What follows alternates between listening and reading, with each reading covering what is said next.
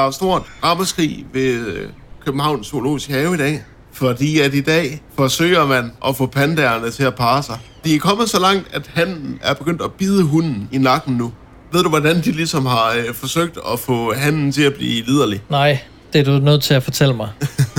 De har sprøjtet andre handpandaers urin ind på området, så han tror, der er konkurrence. Så han bliver territoriebevidst og tænker, at kraftet med ikke nogen, der skal tage min panda fra mig. Så de har simpelthen fået flået panda urin ind til København for at sprøjte det rundt i hjørnerne ind i zoologisk have. Jeg, jeg kan lige forestille mig det her scenarie. Kommer en medarbejder, en dyrepasser fra Københavns Zoologiske Have. Han lander med flyet, stiger ud og vandrer igennem gaten. Så skal han ind igennem deklarationen. Så er der en medarbejder, der stopper ham op og siger, hvad har du i kufferten? Og medarbejderen lægger kufferten op på bordet. Åbner den. I kufferten, under nogle skjorter,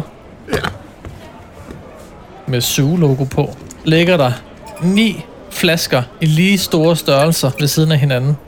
Holder dem op for øh, tolvmanden og siger, det er panda-urin. Tolvmanden tager flasken, han åbner den, dufter lidt til den, og så smager han på den. Kører den rundt i kælderne, når man siger, Den er fin. Ja. det er god pandapis. siger medarbejderen så, hvor efter den her tolvmand, han udbryder. Er det pis? Jamen pis og urin er det samme. Er det det? Fy for satan. Jeg har drukket pis for en panda. Koldfronten med Daniel Frank og Søren Meinerts. Ny episode hver anden uge på koldfronten.dk.